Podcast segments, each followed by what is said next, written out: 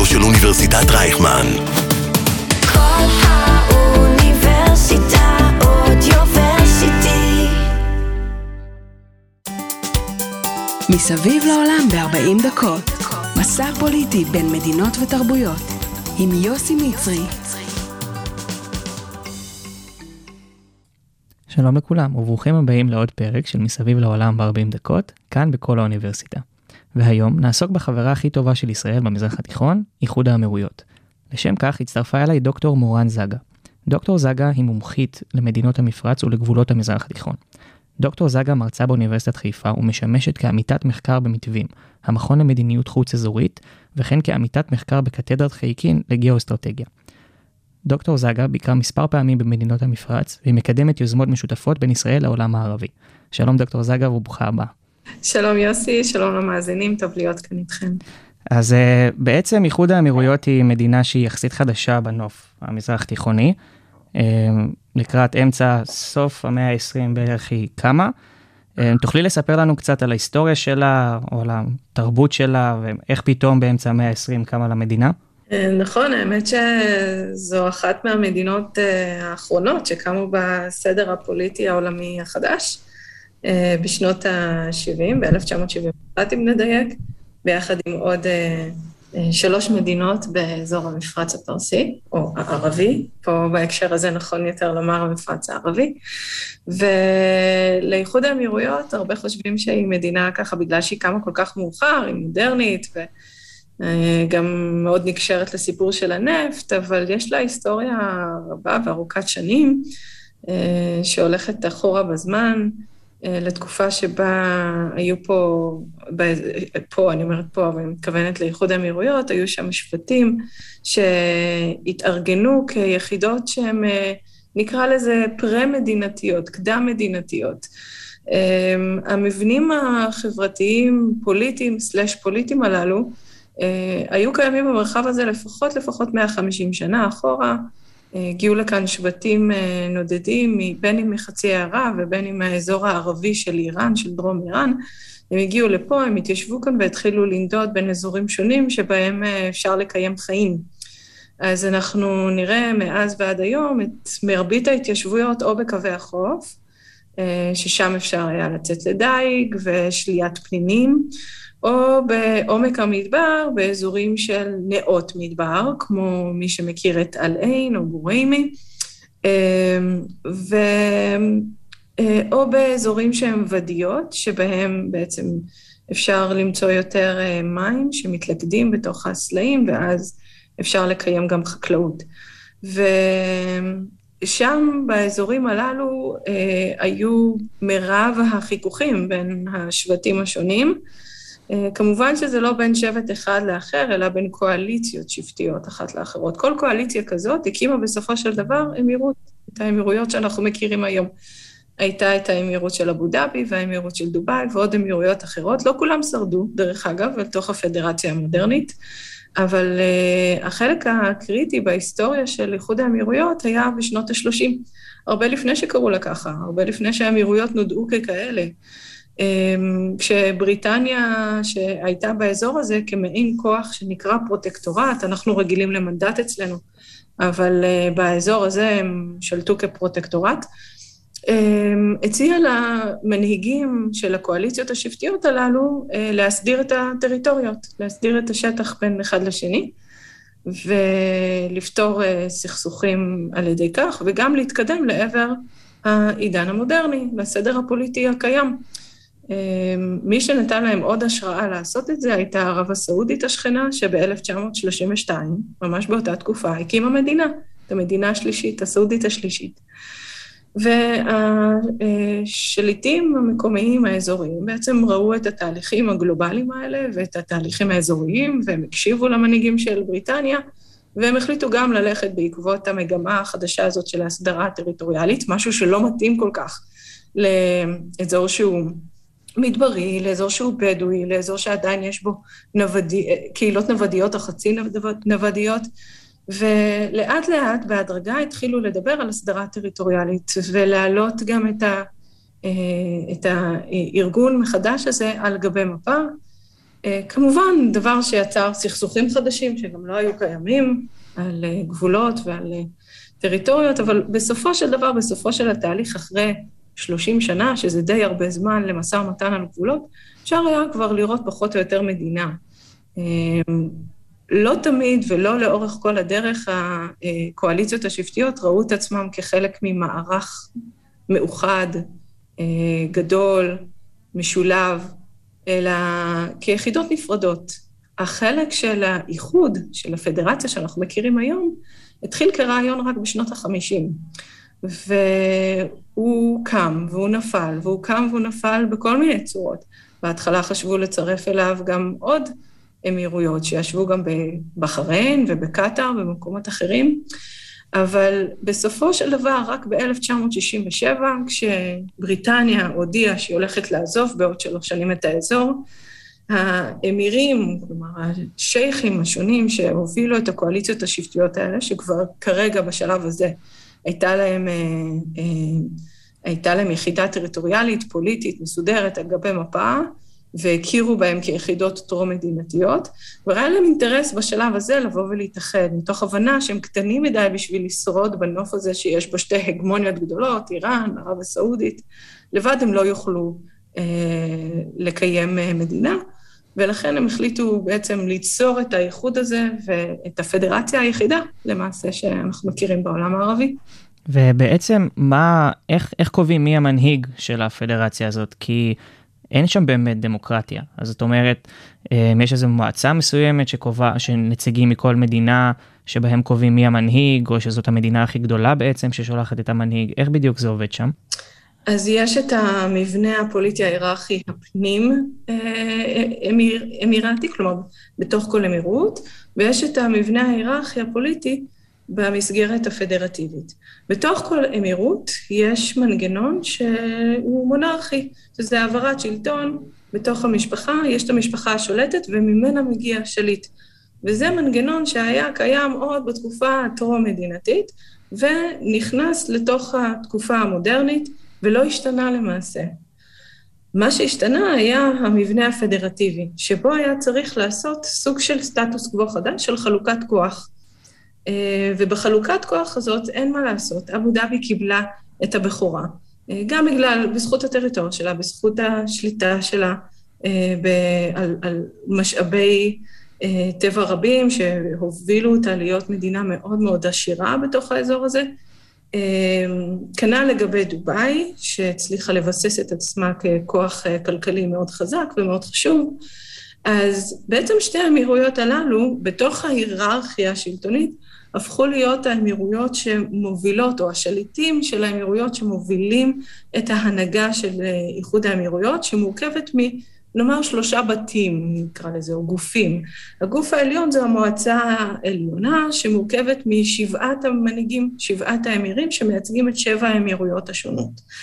והמועצה הזאת מקבלת את ההחלטות המדיניות החשובות ביותר שצריך לקבל בחיים של המדינה, אה, גם אם היא לא דמוקרטית, עדיין יש לנו את המערך הזה של האיזונים והבלמים באמצעות המועצה העליונה.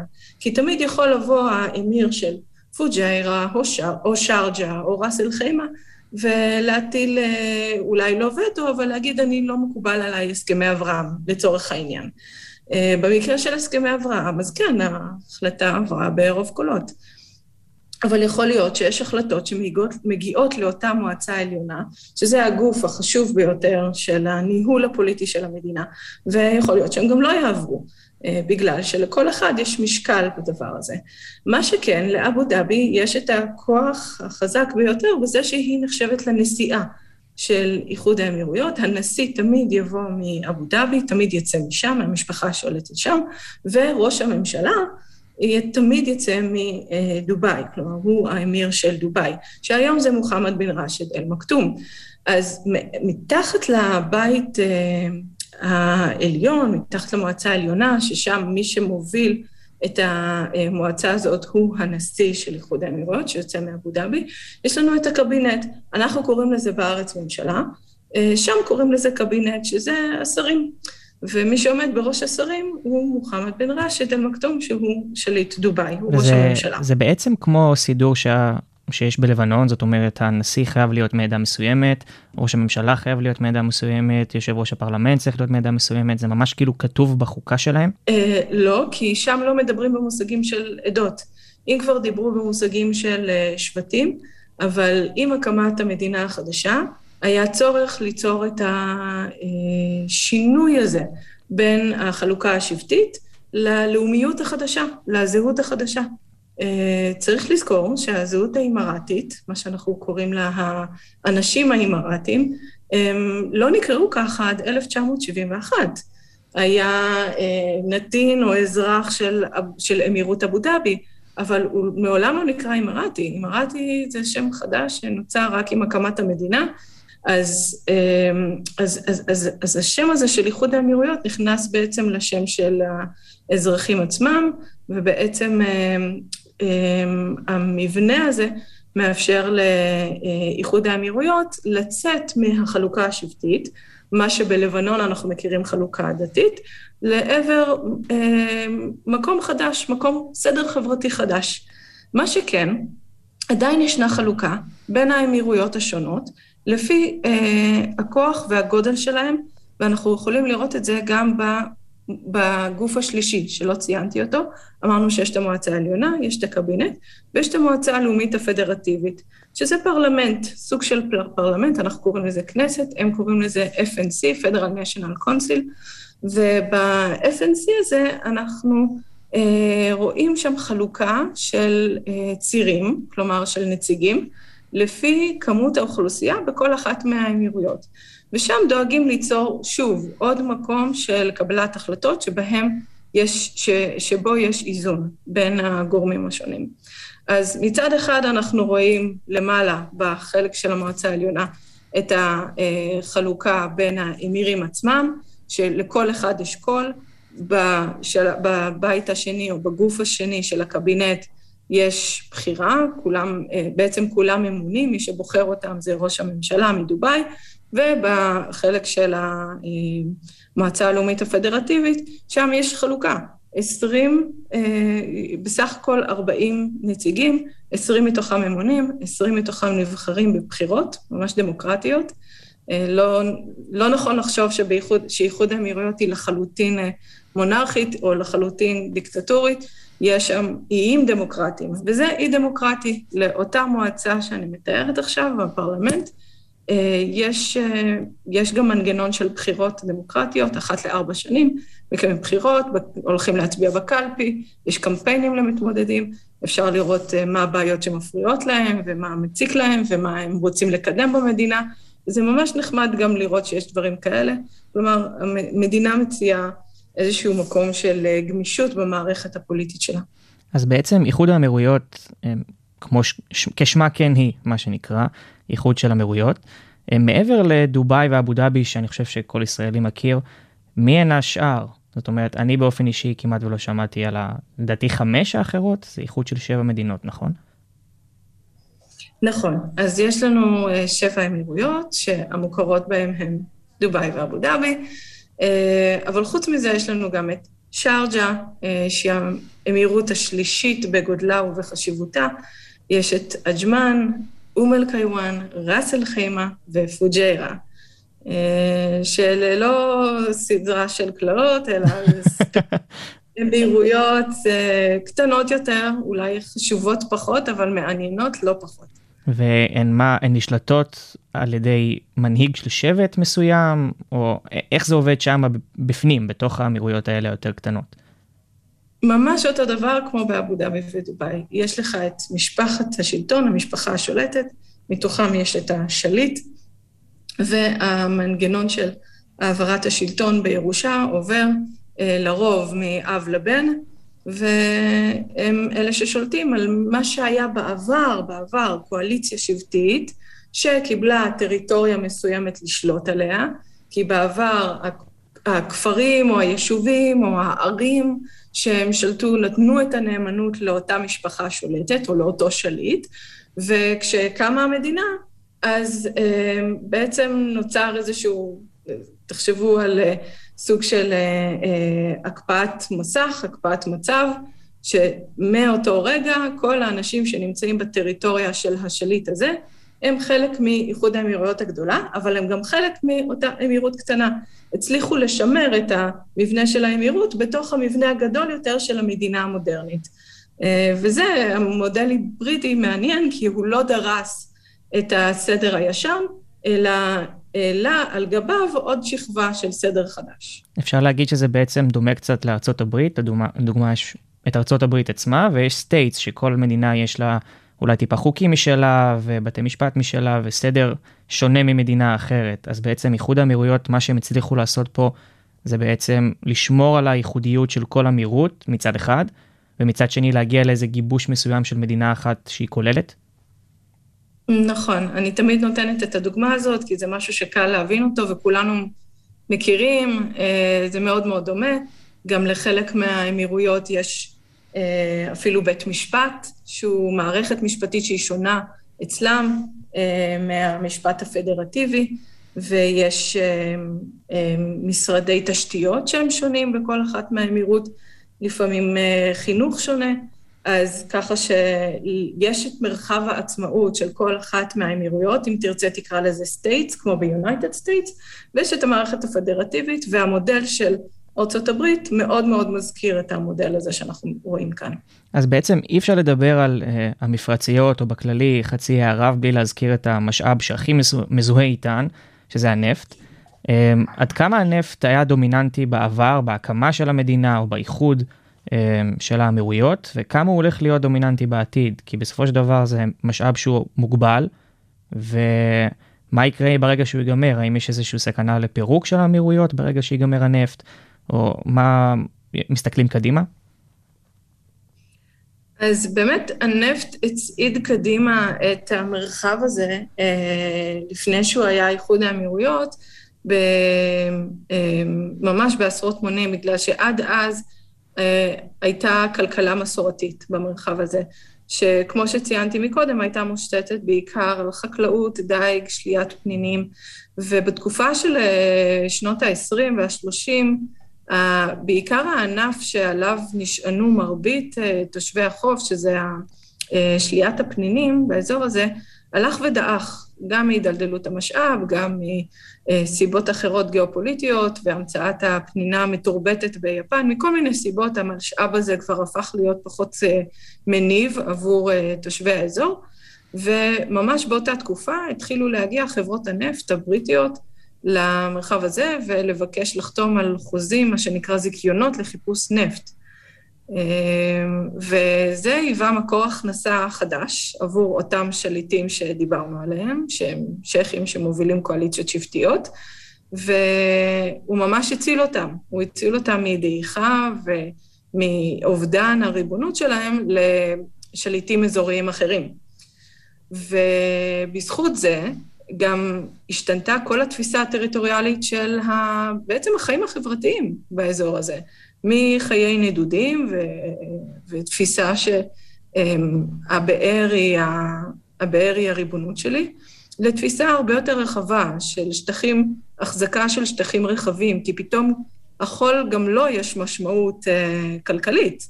אם, uh, אם נמצא נפט באזור מסוים שאין בו דבר ושום דבר ויש בו רק חול, פתאום הוא הופך להיות uh, חשוב. זה זהב בעצם. נכון. אז אותם אזורים שבעבר היו בכלל בכלל לא חשובים בחשיבה השבטית, אה, מה שהיה חשוב היה, אתה יודע, נווה המדבר והדרך שמובילה מהעיר לכפר, וה, אה, אה, והעיר עצמה, והבתים, והעדר שצריך לראות, אז פתאום גם החול חשוב, פתאום האזורים שמחברים בין כל הדברים הללו, גם הם חשובים. זה שינה לחלוטין את התפיסה והוביל בעצם לעיצוב המפה הפוליטית החשובה, החדשה של איחוד האמירויות. אז כן, אז היה לו תפקיד מכריע, אבל כן אני רוצה לנפץ פה כמה סטיגמות. Uh, הנפט התגלה בשלב מאוד מאוד מאוחר באזור הזה, רק ב-1958 התגלה שדה הנפט הראשון באבו דאבי, ורק בשנת 1962 uh, יוצאה חבית הנפט הראשונה מאותו uh, מאגר. רק אחר כך התחילו לצוץ עוד כמה שדות נפט, ו, ו, ובעצם המדינה התחילה להיות מזוהה יותר עם הסיפור הזה של הנפט, יותר משנות ה-80, שגם התחילו להגיע כל הקהילות הללו של העובדים הזרים, ולבנות את המדינה, ואז באמת תהליך ההתפתחות היה מאוד מאוד מואץ. אבל כשהאמירויות הכריזו על העצמאות שלהם ב-1971, הנפט היה דבר יחסית יחסית חדש. אז זה לא שבזכות הנפט יש להם מדינה, אלא הנפט גרם לשינוי תהליכי חשיבה וזירוז התהליכים לקראת ההסדרה הטריטוריאלית.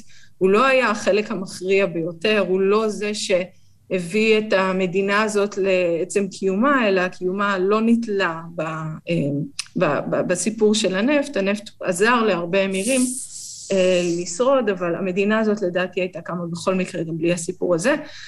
הנפט אבל היום, כמו שאתה אומר, ובצדק, יוסי, מתחיל להידלדל, או מתחילה החשיבה על היום של אחרי. אנחנו מדברים על זה היום, אבל מנהיגי איחוד האמירויות הבינו את זה עוד לפני עשור ושני עשורים, כשהם התחילו להתכונן ליום שאחרי הנפט, באמצעות מנגנון שהם קוראים לו diversification, כלומר גיוון. אה, מה שהיה חשוב להם זה, זה, זה לגוון את מקורות ההכנסה שלהם. וממצב שבו 85% מהכלכלה הייתה מושתתת על נפט, היום אפשר לדבר על שליש. 33 אה, אחוז מהכלכלה היום, אה, האימראטית, לפי דוחות סטטיסטיים וכלכליים שונים, הם מוקדשים לתעשיית הנפט ולתעשייה הנלווית מנפט, וכל השאר הם ממקורות אחרים, שזה יכול להיות אה, פיננסים ותיירות ונדל"ן והמון המון ענפים כלכליים אחרים, כי איחוד האמירויות השכילה להבין את זה עוד לפני אה, עשור וחצי וכבר התחילה לפעול, והיום אנחנו רואים את ההצלחות שהיא כותפת בנושא הזה. איפה בעצם עומדת איחוד האמירויות מבחינה גיאופוליטית במזרח התיכון? כי מצד אחד מדובר במדינה שהיא באמת נורא עשירה, בעיקר בזכות הנפט, אמ, וגם טכנולוגיה בזמן האחרון, ובאמת המרכז הכלכלי שם מאוד גדל בשנים האחרונות. ומצד שני מדובר במדינה שהיא נורא קטנה, ובמיקום שאולי הוא קצת בעייתי, כי מצד אחד היא גובלת עם ענקית כמו סעודיה, ומעבר לים, טיפה טיפה מעבר לים, כבר יש לה ענקית אחרת בשם איראן. אז איך בעצם המדינה הקטנה הזאת מצליחה לשחק את המשחק במרחב שלנו? כמה היא משפיעה, כמה היא לא משפיעה? אז אנחנו כבר רואים שהיא מאוד משפיעה, שזו השורה התחתונה. עכשיו, איך היא הגיעה, איך, איך היא הצליחה להגיע למצב הזה? אה, וזה אולי דווקא בזכות העובדה שהיא לא ענקית, ושהגודל שלה, כשאני אומרת גודל, אני לא מתכוונת רק לגודל פיזי, אני מתכוונת גם אה, לגודל הפוליטי, כלומר, כמה יש לך כוחות שמשפיעים בתוך המדינה על המינהל, על הפוליטיקה, על אותה מועצה עליונה שאנחנו מדברים עליה. אז זה לא, בגלל שאין לך את אותה מערכת כבדה, נקרא לזה הטנק הכבד של ערב הסעודית, אלא יש לך מערכת שהיא יחסית אה, אה, דלה ודקה, אז אתה יכול להיות הרבה יותר גמיש כמדינה. ואני חושבת שבזכות הגמישות הזאת, או בזכות הלגיטימציה הכל כך גדולה שההנהגה זוכה לה, אה, בעקבות אותו מבנה פוליטי מעניין שבו לכל אמירות יש ייצוג ושיש לגיטימציה מאוד גבוהה בתוך הייצוג הזה לאבו דאבי, שאולי ניגע בה בהמשך ובדמות השליט של, אה, של הנשיא שעומד בראש כל המבנה הזה. בזכות, אה, בזכות הקלילות וה... הגמישות הזאת, איחוד האמירויות מצליחה להגיע מאוד מאוד רחוק במוטת ההשפעה שלה. היא מצליחה לעשות את זה באמצעות כמה דברים. קודם כל, אז יש לנו את, ה, אה, את הנושא של המנטלי, נקרא לזה, העמוק יותר, שבו איחוד האמירות מרגישה שהיא מחליטה להיות פרגמטית, פחות אידיאולוגית, יותר פרגמטית. כמובן שיש לה את העקרונות שלה ואת הערכים שלה, אה, שהם יותר פרו-מערביים, פרו-מודרניים ועדיין אסלאמיים, ולצד זאת, איחוד האמירויות, בח... כחלק מה-state of mind שלה, נקרא לזה, היא מדינה שמחליטה להיות מאוד מאוד פרגמטית וגמישה. אז זה דבר אחד, זה נקודת המוצא של הלך המחשבה האמרתי. הדבר השני שמאפשר לה להשפיע זה הפעולות שבהן היא בוחרת לנקוט, כמו למשל, היא בוחרת להיות האב אזורי. הרבה פעמים אנחנו מדברים על מרכז ופריפריה, ואיחוד האמירויות היא ממש הפריפריה של הפריפריה של העולם הערבי, כן? לא מספיק שמדינות המפרץ נחשבות לקטנות יותר, אלא גם בתוך מדינות המפרץ יש לך את ערב הסעודית שהיא המרכזית, ואז את כל מדינות הלוויין מסביבה. אז היא הפריפריה של הפריפריה. אבל בכל זאת, איחוד האמירויות הצליחה להפוך את עצמה להאב. מה זה אומר האב? היא מצליחה למשוך את העולם אליה. אתה לא חייב להיות ממורכז, אתה לא חייב להיות במרכז העולם, בשביל שהעולם יבוא אליך. אבל היא כן הצליחה ליצור מספיק תמריצים אה, בשביל שהעולם יגיע אליה באמצעות אה, אזורי סחר חופשיים וכל מיני דברים כאלה, ואיזושהי תשתית ש, אה, שבזכותה העולם מגיע אליה, כמו למשל הנמל, נמל ג'בל עלי, שזה הנמל הגדול ביותר במזרח התיכון, תיירות עם כל הגורדי שחקים והמבנים המפוארים. היא לא עשתה את זה לחינם, היא לא עשתה את זה בהכרח בשביל, כמו שהרבה אומרים לי, להראות לה שיש לה יותר גדול, אלא בשביל להביא את העולם אליה, כי תייר, מה הוא רוצה? הוא רוצה להגיד שאני הייתי במגדל הכי גבוה, שאני ראיתי את האקווריום הכי גדול, שאני ראיתי את השטיח הכי גדול בעולם שלי. ואז, והדברים האלה נמצאים שם. וזה בכוונה בשביל להפוך את עצמה למוקד משיכה לעולם. אנחנו מדברים על דברים שהם קצת אה, אולי... אה, איזוטריים, אבל יש גם הרבה דברים מאוד מאוד חשובים, או הרבה נקודות ממשק מאוד חשובות, שאיחוד האמירויות מציעה לעולם, כמו, כמו הסיפור של האקספו עכשיו, אה, שזה לת, לארח, לארח, סליחה, את התערוכה הגדולה בעולם.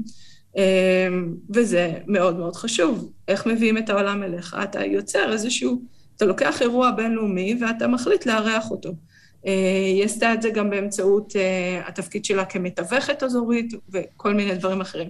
חוץ מזה, היא גם יוצאת אל העולם עם המותג שלה, עם האמירייטס, אה, עם השליטה שלה על טרמינלים בכל העולם.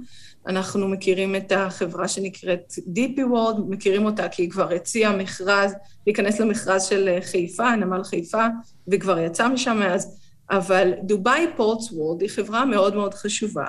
אה, שנמצאת באיזושהי בעלות אה, שקשורה גם למשפחת השלטון של דובאי, והיא הקימה אה, למעלה מ-80 טרמינלים כבר, או שכרה או חכרה כבר מספר מצטבר של למעלה מ-80 טרמינל, טרמינלים ולמעלה מ-40 מדינות, ממש בדומה למודל הסיני. אז אנחנו רואים פה מצד אחד מדינה קטנה, ומצד שני איזושהי מוטת שליטה, איזשהן זרועות תמנון שנשלחות לכל העולם.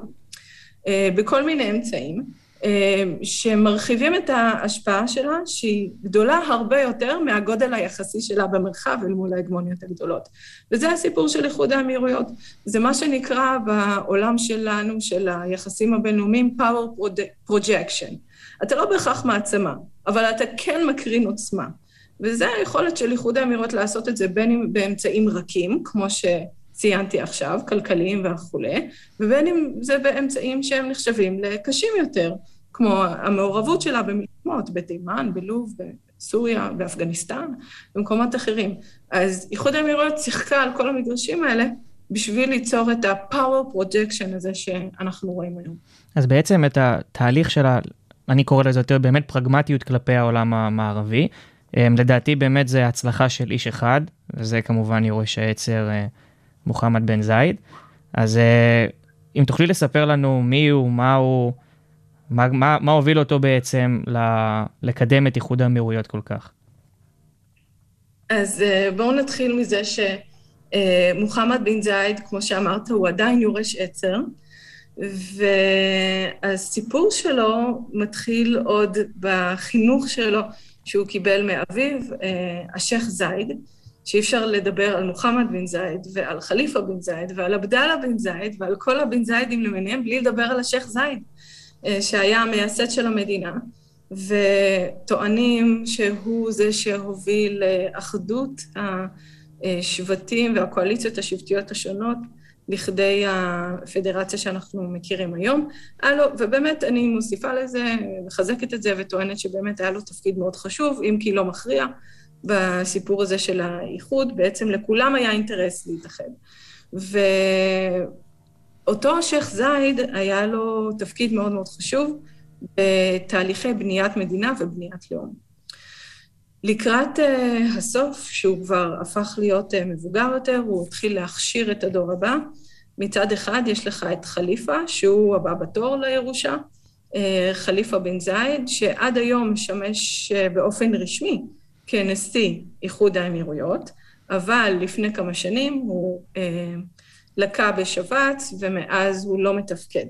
ולצידו הוא הכשיר עוד מועמד שנקרא מוחמד בן זייד, אה, שגם קיבל חינוך מערבי וגם לא מערבי, הוא קיבל חינוך דווקא מאיש דת, אפילו פונדמנטליסטי, וגם הלך ללמוד בסנדהרסט ובכל המקומות הללו בלונדון, שהבנים של בני המלוכה תמיד הולכים, של האזור הזה הולכים ללמוד שם.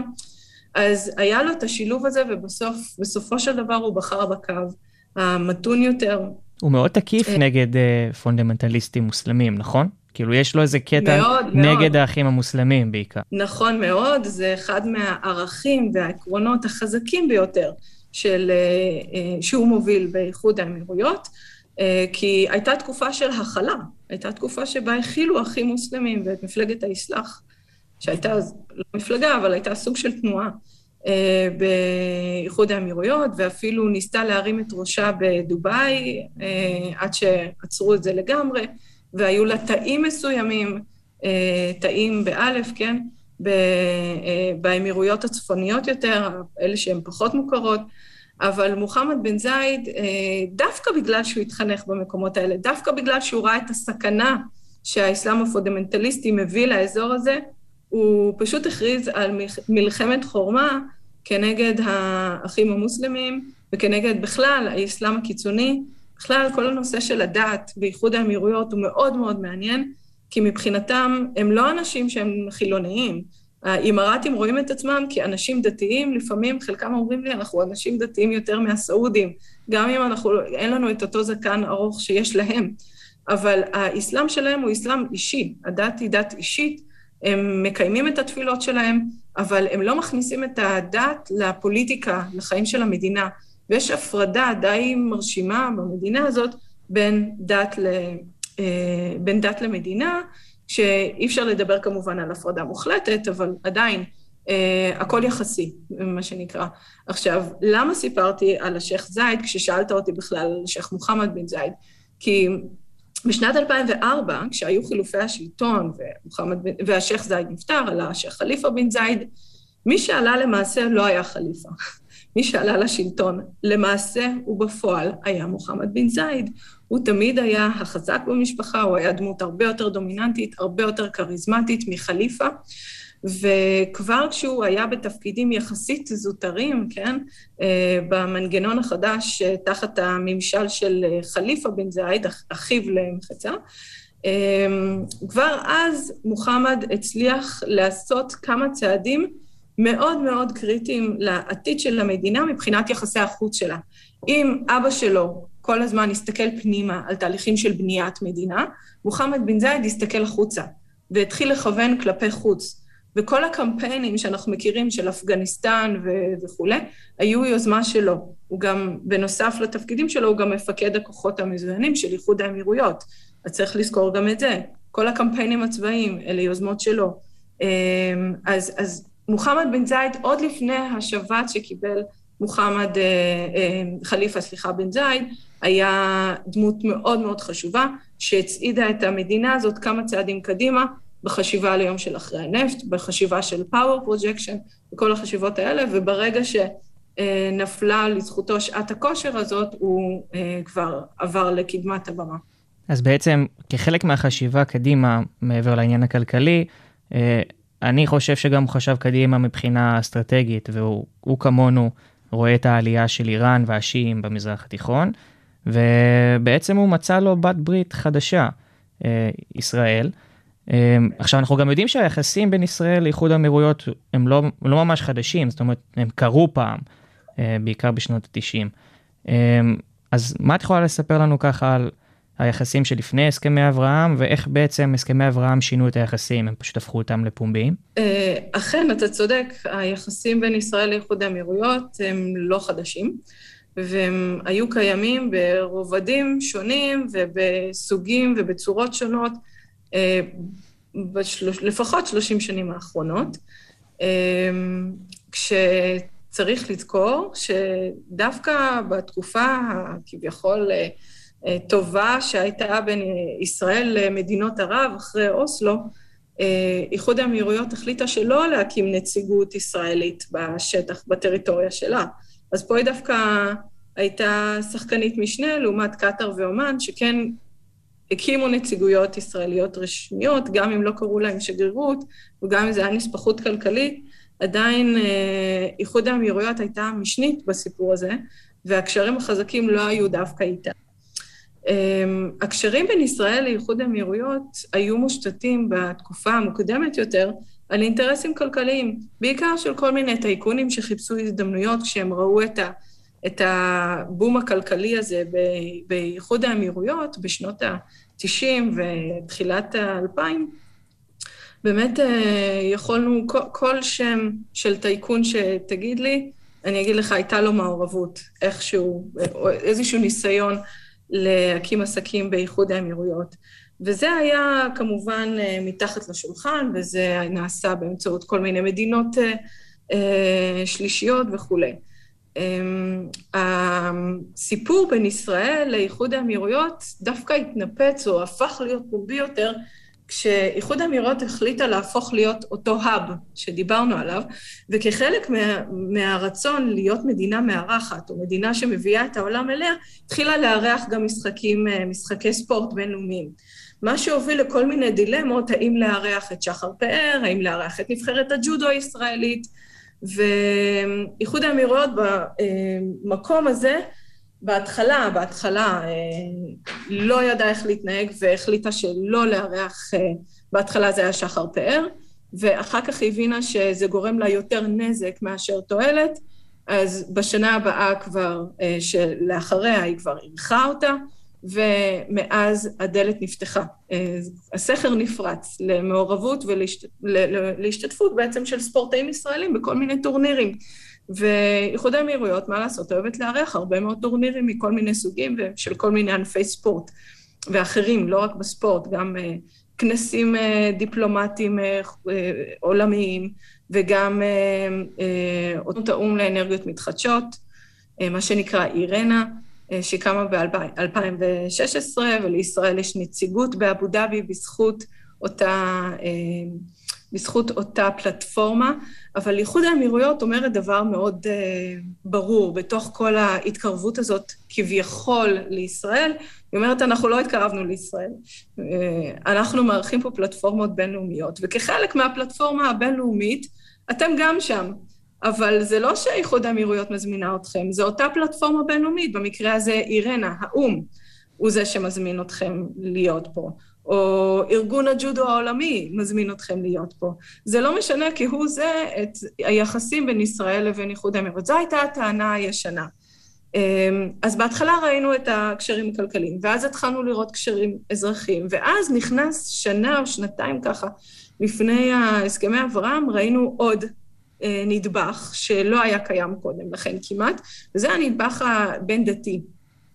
שגם נכנס תחת הקטגוריה הגדולה של קשרים אזרחיים. איחוד האמירויות החליטה שהיא, אה, מקודם דיברנו על האחים המוסלמים, שהיא מפגינה מתינות באמצעות הכלה ובאמצעות, ובאמצעות קבלה של דתות אחרות.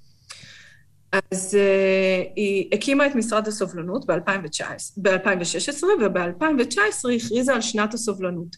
במסגרת השנה הזאת היא אירחה את האפיפיור, ואיכשהו אפשר להגיד שהיא הכירה, גם זה קצת אה, מושג אה, גדול מדי, אבל בקהילה היהודית שנמצאת שם, והתחילה להיפתח יותר ויותר לנושא של אה, יהדות. עכשיו, זה נורא מעניין, בגלל שתמיד אנחנו ראינו את הדת בתור גורם של עילה לסכסוך במלחמות, כן? אה, דת תמיד הייתה גורם אה, מפריד וגורם מסכסך ואיזשהו גורם מתח בין קהילות שונות. אבל אה, דווקא פה דת הייתה המקום המקשר, המטשטש. הזהות הלאומית הישראלית הייתה הרבה יותר קשה לעיכול עבור האימראטים מאשר הזהות היהודית. למה? בגלל שליהודים ולמוסלמים יש אב קדמון משותף, ואפשר ללכת אליו, אל אברהם. ואפשר לקרוא, לקרוא להסכמים האלה הסכמי אברהם, זה המקום המשותף. הרבה יותר קשה לקרוא להם הסכמים בין ישראל לאיחוד האמירויות, כי אז אתה מכניס את הגורם הלאומי, צריך לעבור כמה זמן עד שהעם מקבל את זה, אמ, ש, שרגיל כל כך הרבה שנים לאיזשהו נרטיב אה, אחר. אז המקום הדתי דווקא היה עוד נדבך מעניין בהתקרבות בין ישראל לאיחוד האמירויות, שאולי פה זה פחות הורגש, אבל שם ממש היו קמפיינים שלמים סביב הנושא הבין-דתי. מוצגים יהודים התחילו אה, להופיע יותר במוזיאונים שם. אה, אירחו רבנים אה, ואנשי דת מישראל תחת המקום הזה הבין-דתי, אולי עדיין אין יחסים, כמו שהם אמרו, עדיין אין יחסים בישראל לאיחוד האמירות, אבל הדת תמיד תהיה כאן כמקום מחבר. אז, אז, אז אם נשים את זה ככה, את ההתקרבות בין ישראל לאיחוד האמירות על ציר זמן, אז אנחנו רואים את הכלכלה, ואז את הספורט ואת המקום האזרחי יותר, אה, הבינלאומי, ואז אנחנו רואים את המקום הבין-דתי, עד שבסופו של דבר הגיעו לישראל, להסכמי אברהם, שזה המקום הבילטרלי בין מדינה אחת לאחרת. אז בעצם שאלה אחרונה וטיפה אופטימית, האם אנחנו יכולים להיעזר בחברה החדשה בשביל לפרוץ את הסכר הזה לעולם המוסלמי ובעצם למצוא לנו עוד חברות חדשות? עד uh, לפני כמה זמן הייתי אומרת שכן, כי לאיחוד האמירויות היה אינטרס לבסס את הלגיטימציה של המהלך שלה בקרב עוד מדינות, ולא סתם היא שקדה הרבה על בחריין ועל סודאן, שיסכימו אה, לנרמל את היחסים עם ישראל כחלק מהמגמה הזאת, כי החשיבה שלה, ובצדק, הייתה שהיא נתקלה בהרבה אנטגוניזם בעולם הערבי כלפי המהלך הזה, שהיה מהלך אמיץ מאוד, אבל גם uh, מתריס מאוד כלפי קהילות בעולם הערבי שעדיין לא היו מוכנות לנרמול היחסים הזה, או לשלום, או תקראו לזה איך שאתם רוצים. אבל uh, מבחינתה זה היה צעד נכון לבוא ולבקש ממדינות אחרות, או להציע למדינות אחרות, להתקדם ביחסים שלהם עם ישראל, כי ככל שמדינות אחרות ילכו בעקבותיה, ככה זה ייתן לגיטימציה למה שהיא עצמה עשתה. אה, באיזשהו שלב זה נגדע, התהליך הזה נקטע. אה, אני לא חושבת שזה בגללנו, אני לא חושבת שזה אפילו בגללם, זה קשור לשינוי הממשל בארצות הברית לדעתי, שהובילו לאיזושהי קטיעה אה, מאוד, גס, מאוד גסה של התהליך הזה, ואיחוד האמירויות איבדה את המוטיבציה לבוא ולעודד מדינות אחרות, כי היא הבינה שאין לה משתף פעולה ראשי, כמו שהיה טראמפ, כמו שהיו קושניר ואחרים, בתהליך הזה של אה, תהליכי הנורמליזציה. והיא הפסיקה, היא הפסיקה להיות uh, פעילה בשידול או שכנוע מדינות אחרות uh, ללכת בעקבותיה בהסכם הזה, וזה חבל.